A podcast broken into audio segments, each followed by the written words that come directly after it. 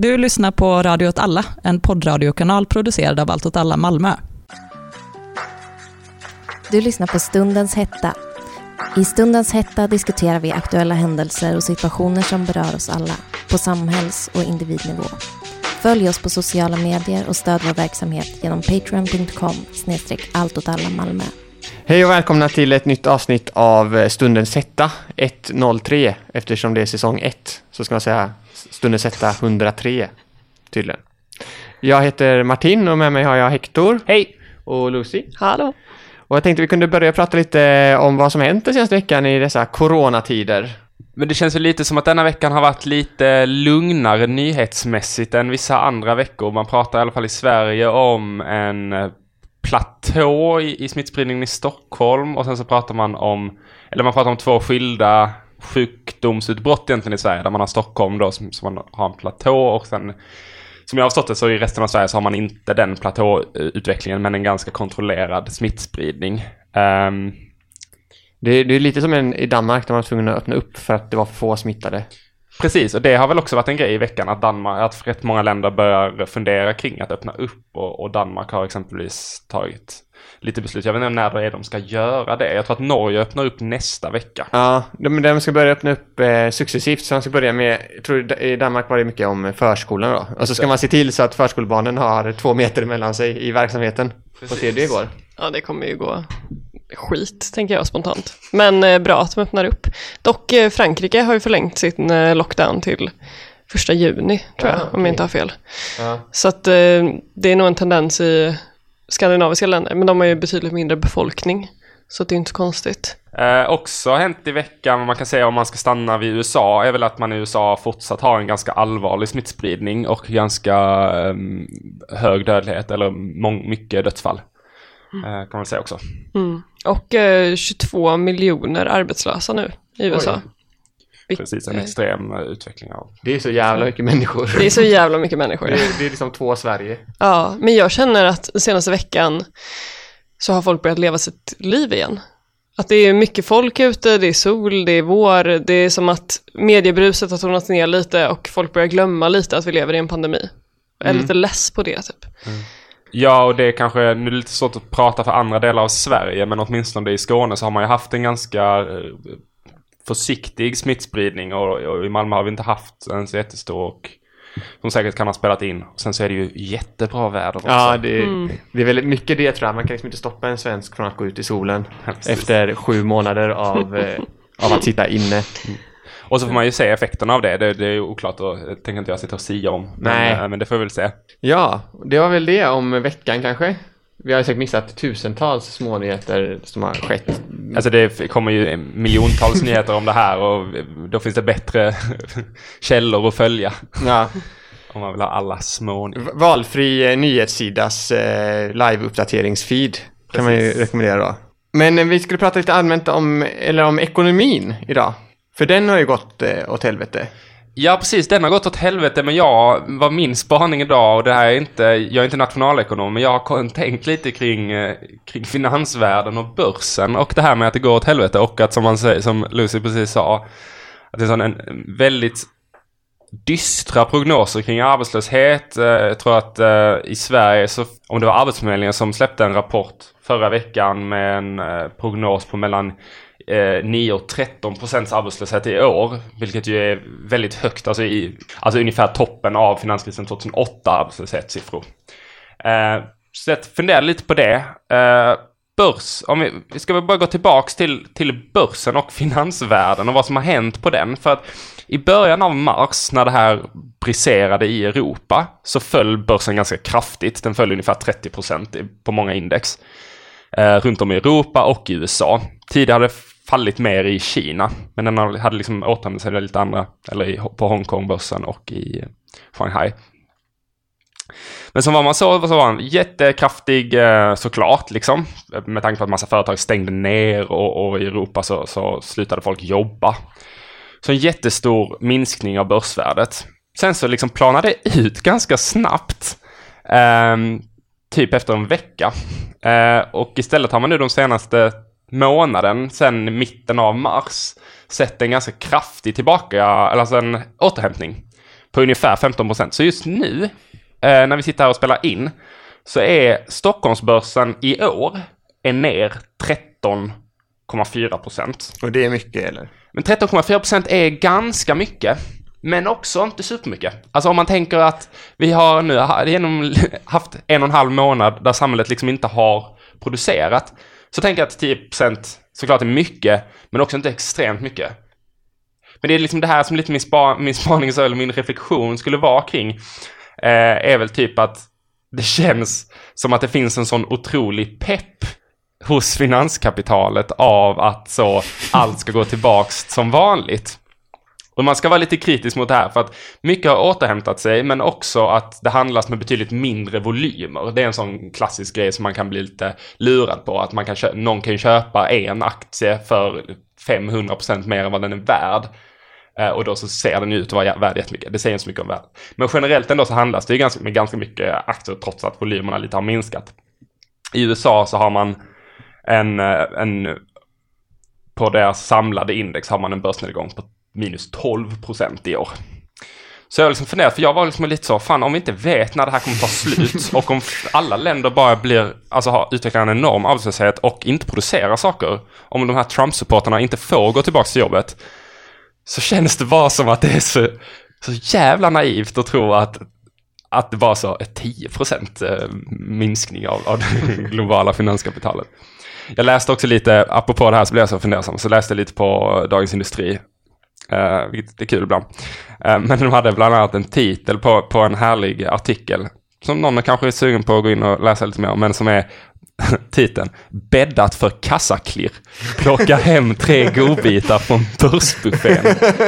och det tänker jag lite signalerar typ, hur ska man säga, Uh, den tendensen om att man tror att allt det här kommer bara gå tillbaka till att vara helt som vanligt. Jag vet ju inte, alltså det är helt omöjligt att säga om, jag tycker att det känns också väldigt, väldigt uh, naivt. Vad man också ska lägga till med min sån eh, spaning om, om den här börsnedgången, det är också att 2019 var ett, ett börsår där ekonomin generellt sett pratar man om en avmattning i ekonomin, alltså en minskad tillväxt.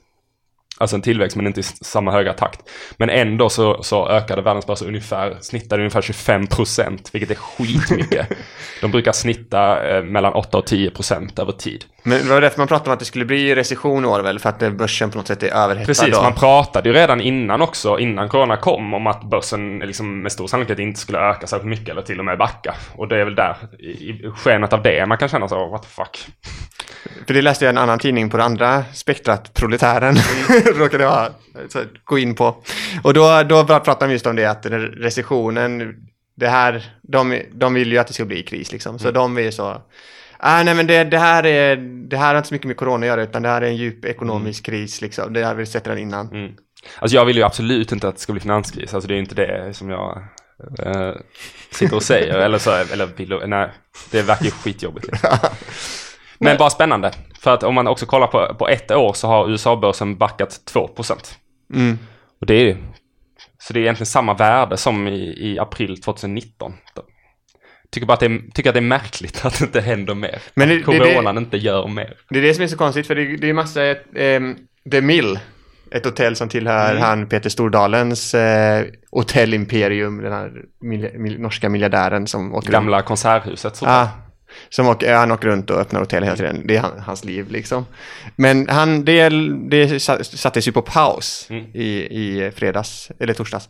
Men det känns som, för Volvo så gick samtidigt ut, Volvo Cars gick ut att de skulle börja lite mm. sin produktion igen. Så det är konstigt, för viss, som att vissa, eller den här branschen som är så himla beroende av eh, tillfällig konsumtion, om man ska säga. Eller, mm. ja, engångskonsumtion, vad är det man säger? Ja, men precis. Sällanköp. Sällanköp, ja. Som hotell, väl ganska, eller, restaurang. Och, och det, precis, är väl, han faller också inom turismsektorn. Mm. Ja, och det kanske är det som är lite grejen. Jag, som sagt, jag, jag är ingen expert på det här området. Jag har bara spanat lite kring de här börsutvecklingarna.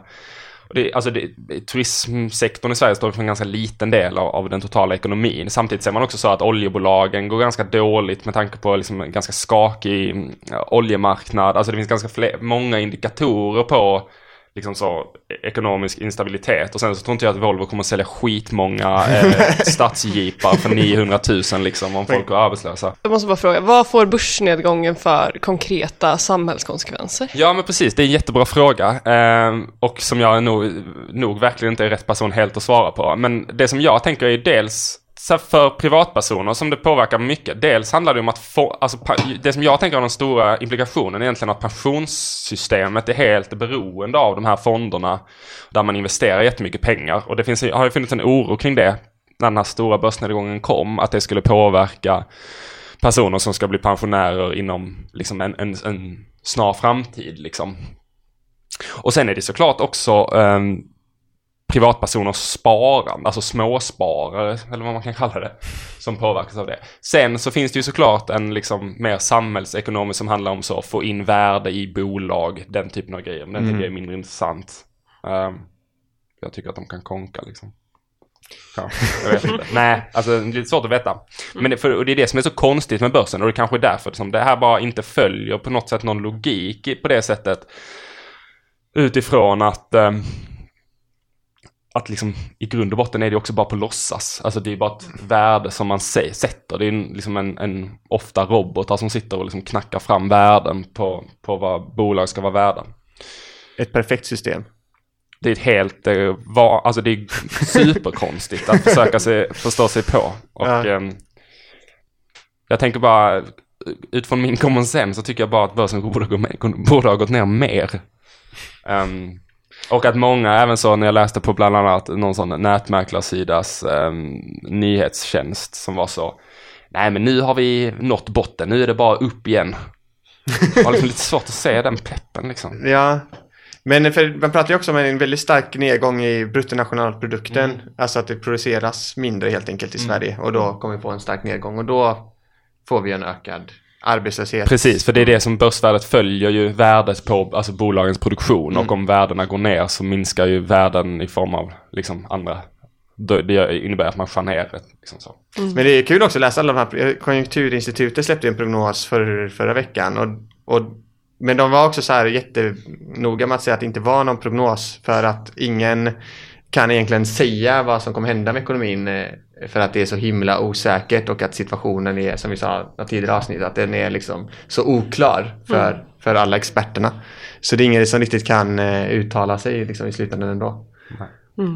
Men jag tänker också att det här visar ju på en väldigt stor kamp mellan de som vill att det ska falla och de som vill rädda börsen. Att det är en, liksom en helt annan diskurs utanför hälsoaspekten från corona.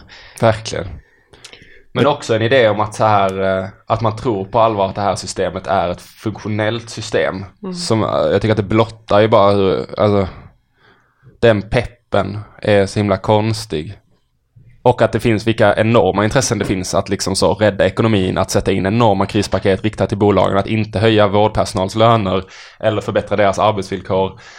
Utan att så man ska ge liksom, äh, räntefria lån till företag som har plockat ut miljarder i vinst de senaste åren.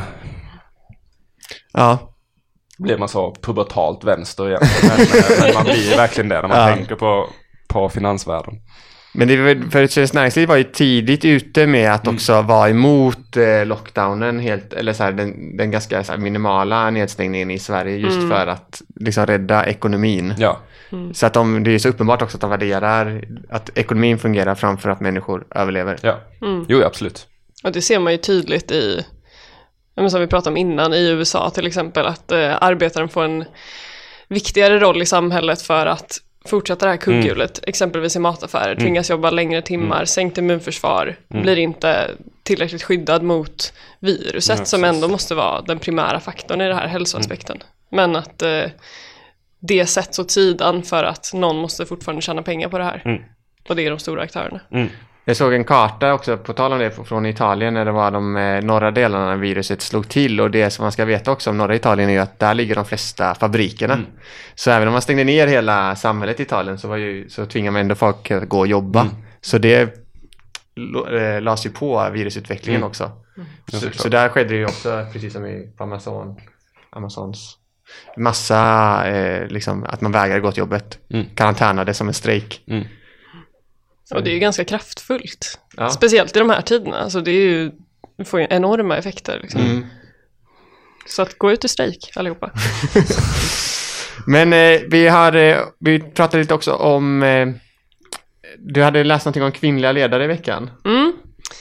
Så jag läste en artikel om att eh, någon som påstod att eh, länder med kvinnliga ledare har hanterat krisen absolut bäst och tog exempel från till exempel eh, Taiwan där de extremt tidigt ställde in alla flyg från Kina. Har just nu bara sex dödsfall totalt som är coronarelaterade. Eh, började direkt öka produktionen av eh, skyddsvisir, masker så att de har klarat det liksom, galant. Nya Zeeland stängde också ner extremt tidigt. Eh, har också nu bara åtta dödsfall. Eh, och även i Skandinavien, Sverige är det enda landet med en manlig eh, statsminister. För här vi- får vi aldrig en kvinnlig statsminister liksom. Nej, uppenbarligen inte.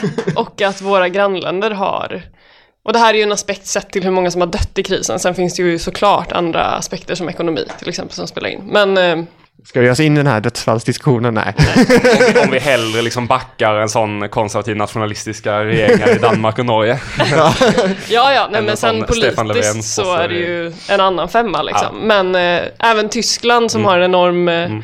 befolkning har ju klarat sig relativt lindrigt Mm. undan från eh, krisen. Liksom. Mm. Så det är en ganska intressant aspekt. Eh, Va, men vad är det, det biologiska, kvinnliga biologin då Kvinnor som kan skulle ju vara... uppenbarligen eh, tänka före.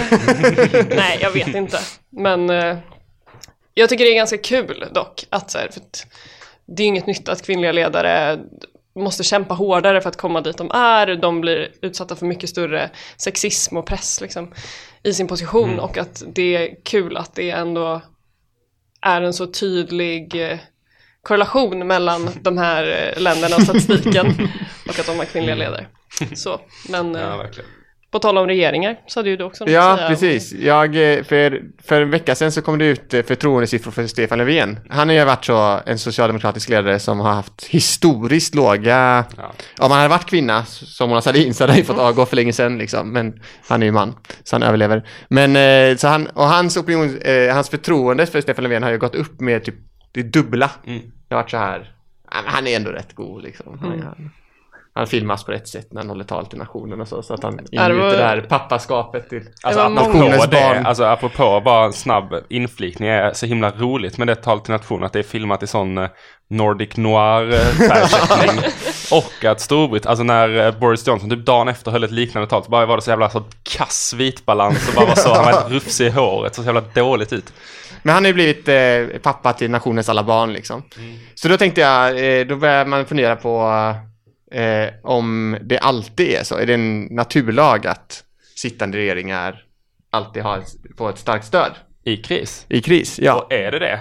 Ja, det är faktiskt det. Det är det. Eller i internationella studier så, så har man påvisat att så är det. Alltså när det är kris, krig, naturkatastrofer, pandemier då, som i det här fallet, så, eh, så eh, ställer sig befolkningen ofta bakom liksom, nationen. Och då eh, st- stödjer man regeringen. Men sen så tar ju också kris, krig och pandemier slut. Och då brukar man komma i ett läge där folk börjar utvärdera det som har hänt och då kan liksom det här ändras. Och i svensk, eh, senaste 30 åren i Sverige så har vi haft eh, tre, fyra kriser kan man säga. Eller tre. Eh, som vi har kommit upp här i alla fall. Och den första är ju Estonia-katastrofen när en eh, färja förliste i Östersjön. Och det dog, jag tror det var 500 personer. Ja. Något sånt. Ja. Eh, väldigt tragisk olycka. Eh, och då satt det en socialdemokratisk regering, Ingvar Carlsson. Eh, och de eh, bedömdes ha skött den här situationen extremt dåligt, Mm. helt enkelt svenska folket. Så då tappar de. Senare så har vi eh, tsunamikatastrofen i Thailand, där det också dog ett antal svenskar. Och då var det också så att det, det skedde ju under jul och nyår, så det var väldigt svårt för regeringen att fatta beslut under den perioden, för Mm. svensk eh, arbetslagstiftning ligger över krishantering. Det ska vara julbord. Ja, exakt. Man, man, man, man är liksom i sin stuga eller sådär. Man har inte tid och oj, det har hänt någonting. Nej, vi väntar lite till efter juldagarna. Det var inte populärt.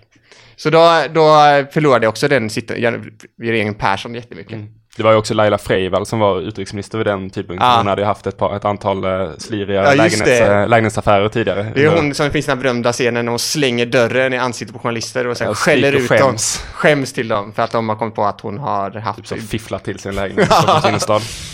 Eh, men sen har vi också finanskrisen 2008-2009, eh, senaste finanskrisen. Och då satt ju Moderaterna, eller Alliansen, i regeringen och Anders Borg, han med svansen, var eh, finansminister. Och då kände svenska folket, Oh yes. oh yes, ni har skött det här jävligt bra grabbar. Och det tycker jag man fortfarande hör Ja, av verkligen. liksom alla boomers, den äldre generationen. Fortfarande. Åh, Anders Borg och de, Fredrik Reinfeldt och de skötte det så bra. Det roliga, ja, det roliga är att de skötte det inte sådär superbra heller.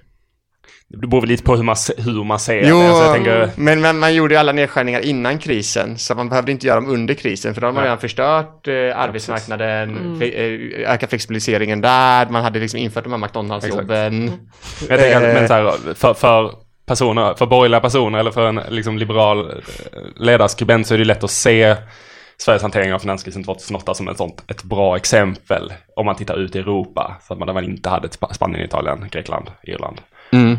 Sen är det såklart, det kommer ju till ett jävligt högt pris för vanliga människor liksom.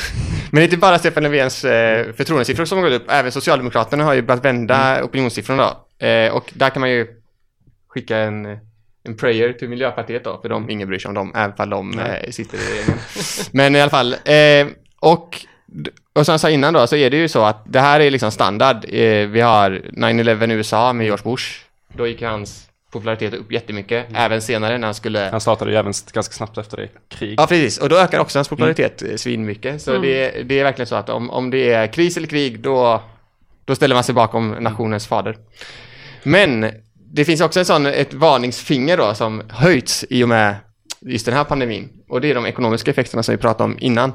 Att även om eh, Stefan Löfven då skulle rida ut den här stormen med bravur på sin stridshingst så eh, kan det bli så att om ekonomin kommer gå åt helvete liksom, så finns det ett populistisk möjlighet. Mm. Pratar man om då. Och då pratar man ofta om högerpopulismen.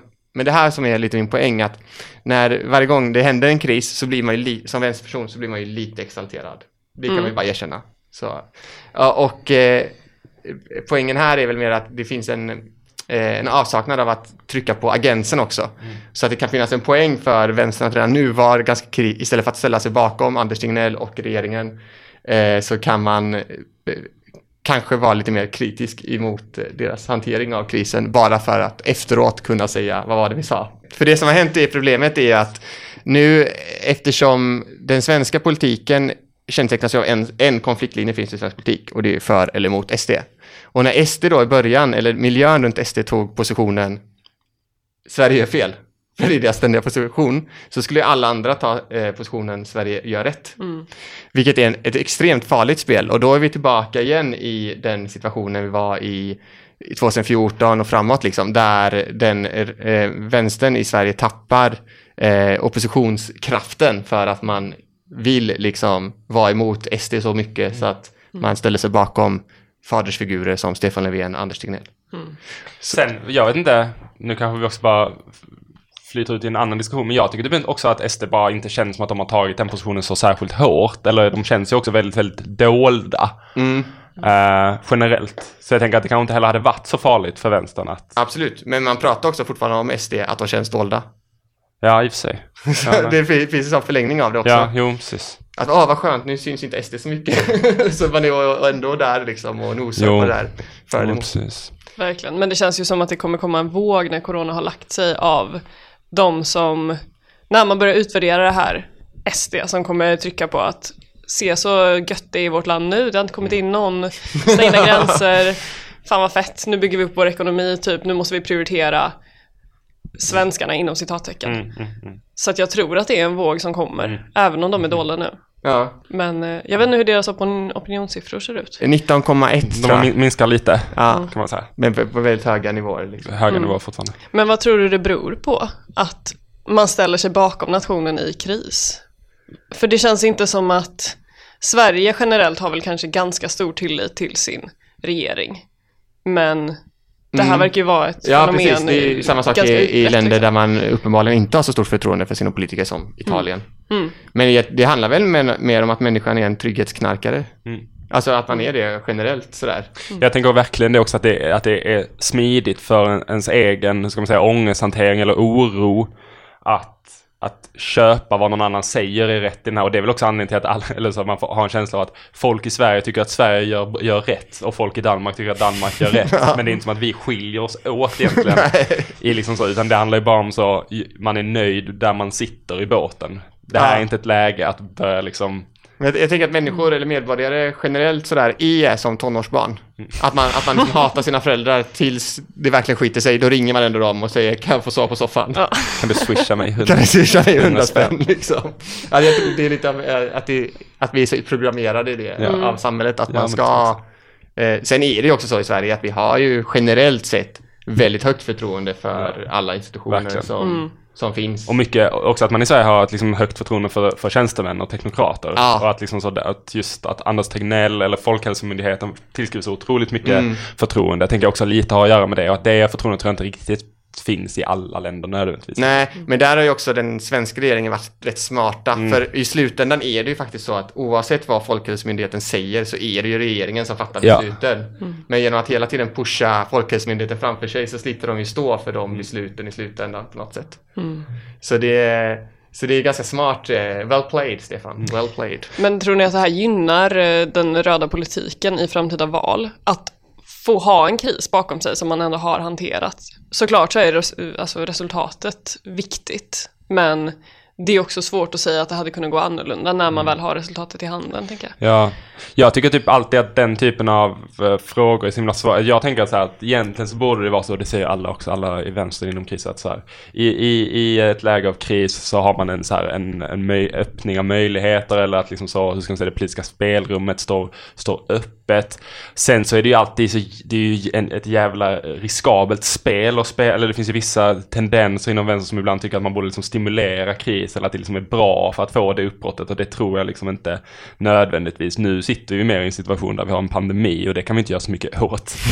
eh, men jag, och, och, så, och därför tror jag inte riktigt man kan svara på den frågan än, utan att det kommer kräva ett liksom idogt arbete för vänstern att liksom positionera sig eh, gentemot de andra liksom. Men att möjligheten såklart finns, tror jag. Bråka om de här jävla stödpaketen liksom. Ja, Mm.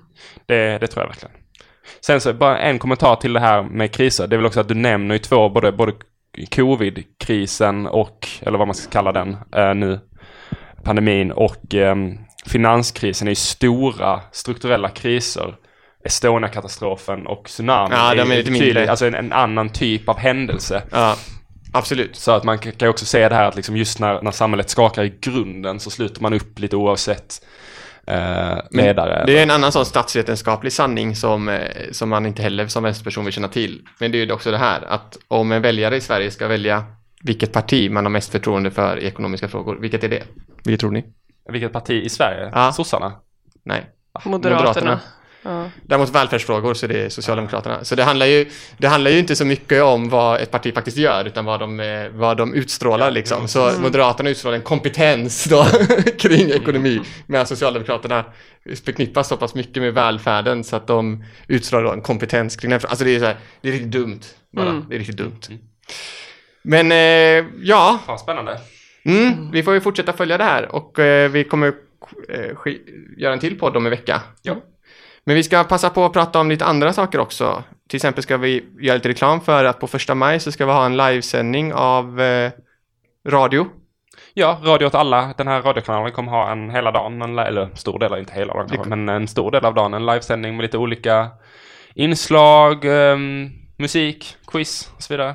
Vad man också kan göra reklam för, det beror lite på när det här avsnittet släpps, men om det släpps innan eh, söndag kväll den eh, 19 april så kommer eh, medlemmar att alla delta i ett eh, internationellt samtal med eh, den tyska organisationen Interventionistische Linke och lite andra internationella aktörer angående hur vänstern positionerar sig i, i denna krisen.